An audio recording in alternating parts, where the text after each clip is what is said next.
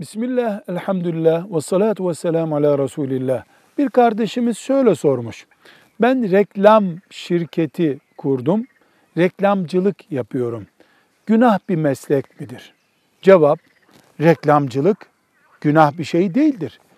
Haramın reklamını yapmak haramdır. Mesela alkol reklamı yaparsın, haram olur. Mesela fuhuş denecek bir reklam yaparsın, haram olur.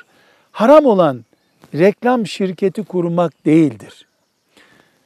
Reklam şirketinin haramı reklam etmesidir.